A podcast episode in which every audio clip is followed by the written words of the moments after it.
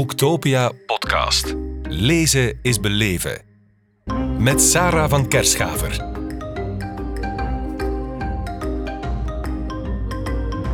Steven van Hekken, welkom in onze podcast hier op Boektopia in Kortrijk. Dag Sarah. Hallo, dag Steven. Waarom Europa heet het boek dat je samen met Camille Vermeijden hebt geschreven, uitgegeven bij Lano Campus. Het is cru om te zeggen, maar ehm, is er af en toe een oorlog nodig opdat we die vraag zelf kunnen beantwoorden? Waarom Europa? Er was alleszins een oorlog nodig uh, voor een update van het boek. Ja. Het is de tweede versie. Uh, die het, uh, de geschiedenis van het Europese integratieproces vertelt, van uh, Adenauer tot Zelensky, van A tot Z.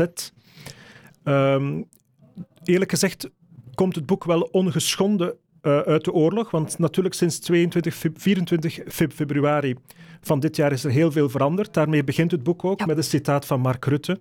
De oorlog verandert alles, dat is waar, denk ik, mm -hmm. hè, want het heeft een impact op enorm veel beleidsdomeinen. Uh, en we vonden het dus nodig uh, van een nieuwe editie uit te brengen die het ganse verhaal brengt tot en met de oorlog in Europa en alle gevolgen van dien. maar het opzet zelf is eigenlijk hetzelfde, namelijk aan de hand van zes delen, zes vragen eigenlijk. Hè.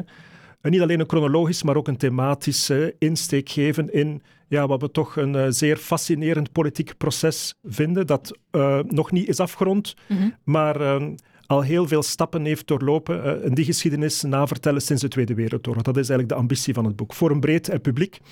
Ja. Um, wie van der Leyen kent, wie, wie en Michel kent, dat is eigenlijk uh, voldoende okay. om in dat verhaal in te stappen ja. en eens na te gaan, ja, waarvan waar komen we en welke beslissingen hebben we toen um, gemaakt dat we vandaag uh, zus of zo kunnen reageren als er bijvoorbeeld inderdaad een nieuwe oorlog is in Europa. -hmm. Ja, een, aantal van de vragen zijn bijvoorbeeld waarom de brexit? Hè? Um, waarom treden er telkens nieuwe landen toe? En ja, één vraag is misschien sinds februari ook wel extra pertinent. En dat is waarom hebben we nog steeds geen Europees leger? Ja, dat klopt. Hè. Dat is het uh, hoofdstuk dat vooraan staat in het boek, omdat het teruggaat op een uh, heel bijzondere periode, zeg maar de periode van de Founding Fathers. Helaas, er waren nog niet veel mothers bij, we hadden het liever anders gehad. Ja. Maar die geschiedenis kunnen we niet opnieuw schrijven. Nee. Na de Tweede Wereldoorlog komen we in een heel specifieke sit situatie. Nazi-Duitsland is verslagen, maar voor we het zelf goed doorhebben, staat er al een nieuwe vijand, namelijk de communistische Sovjet-Unie. Mm -hmm. Waarvan dan de vraag is, ja, hoe gaan die West-Europese landen, die eigenlijk toch zeer en verzwakt uit die Tweede Wereldoorlog komen, hoe gaan die uh, opnieuw rechtkrabbelen? Um, en daar hebben natuurlijk de Amerikanen een cruciale beslissing genomen. In tegenstelling tot na de Eerste Wereldoorlog hebben ze zich niet teruggetrokken uit Europa en zijn ze eigenlijk gebleven. Er is de NAVO gekomen, de Noord-Atlantische um, Verdedigingsalliantie, die nog altijd bestaat. Hm.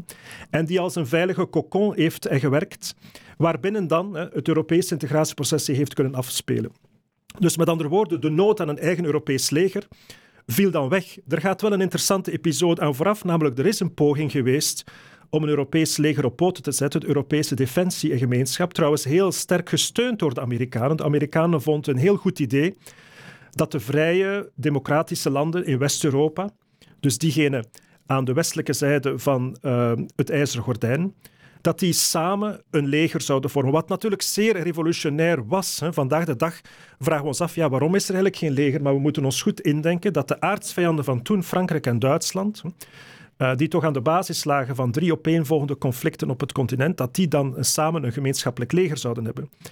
Uh, dat heeft op tafel gelegen, de fameuze Europese Defensiegemeenschap, als uh, een follow-up, als de next step, de volgende stap van die EGKS, Europese Gemeenschap voor Kolen en Staal. Maar dat is dan niet goed afgelopen. Hè. Feitelijk, concreet gaat het om een stemming in de Franse Assemblée nationale die nooit heeft plaatsgevonden. Stalin is gestorven, de oorlog in Korea is voorbij. De sense of urgency neemt af. Namelijk, waarom hebben we dan uiteindelijk nog een um, leger nodig als die dreiging vanuit de Sovjet-Unie toch minder sterk is? Uh, en dan, uh, ja, zoals ze in het Engels zeggen, a window of opportunity is closed. Hè? Hm. Er was een moment waarop het had gekund.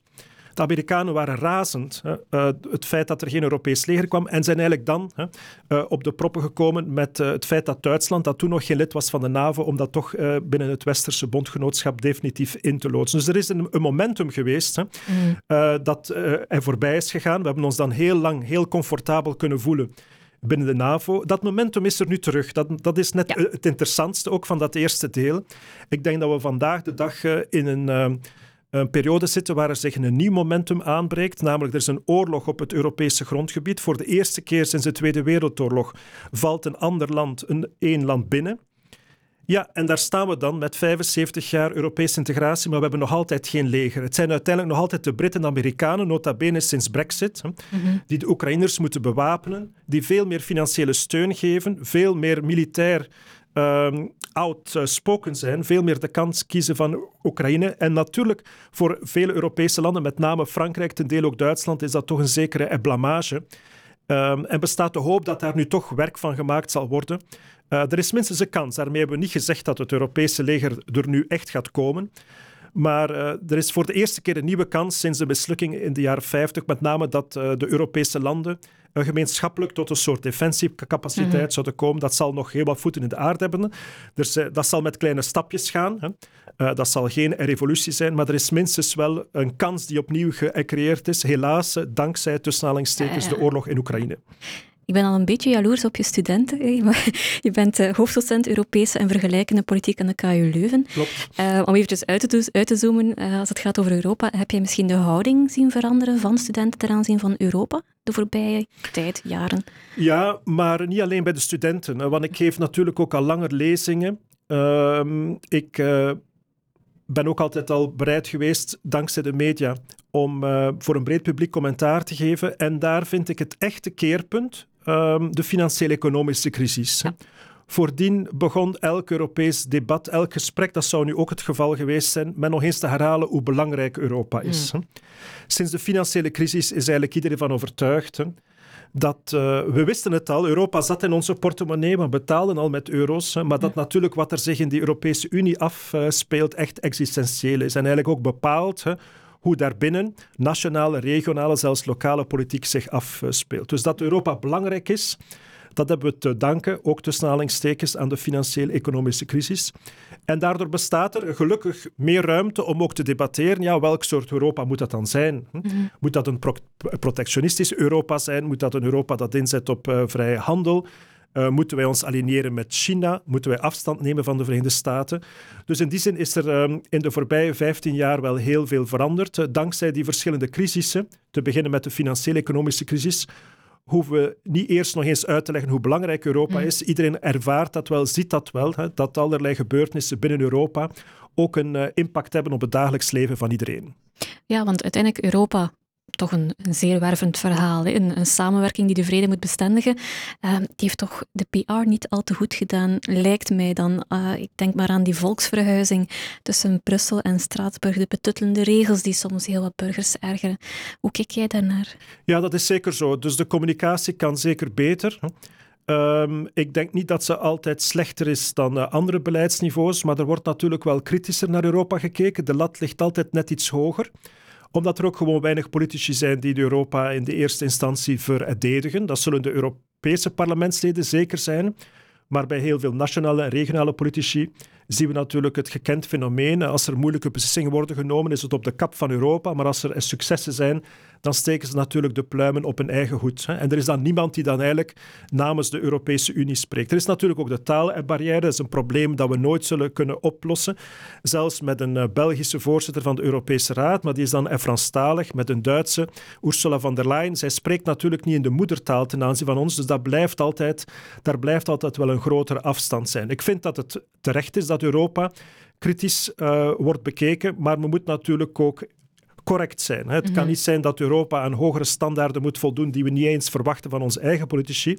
Ja, en het boek dient ook om een aantal van eventuele misverstanden uit de wereld te helpen. Waarom is er inderdaad die fameuze verhuis elke maand van de Europarlementsleden van Brussel één week naar Straatsburg? Het... Uh, meest indrukwekkend reizend circus uh, in onze politieke ja. tijden. Ja, dat heeft niet met de Europarlementsleden zelf te maken. Zij zouden natuurlijk niets liever hebben van alleen maar in Brussel te zijn, want daar is ook de macht. Daar is de commissie, daar zijn de lidstaten vertegenwoordigd. Hè.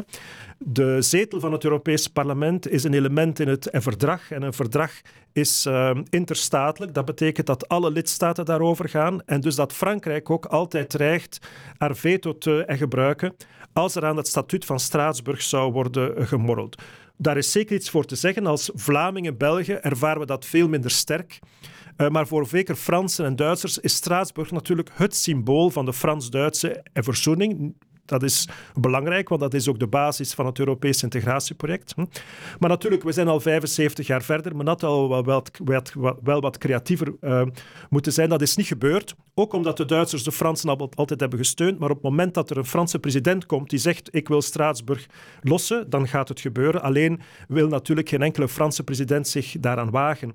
Uh, en dan zeg ik altijd, wie te klagen heeft over de maandelijkse verhuis van Brussel naar Straatsburg, moet niet bij de Europese Unie zijn, maar in het Elysée. Eigenlijk is het de mm. schuld, hè, dat is ook letterlijk zo, hè, is het de verantwoordelijkheid van de Franse president. Dus sommige zaken zijn toch ook iets... Uh, ingewikkelder dan we op het eerste uh, gezicht denken. En vandaar ook hè, dat het boek wellicht dienst kan doen om een aantal van die misverstanden uit de wereld te helpen. Absoluut. Ik denk dat als we Europa willen begrijpen, dat we uh, heel wat mensen dankbaar zijn om, uh, voor dit boek.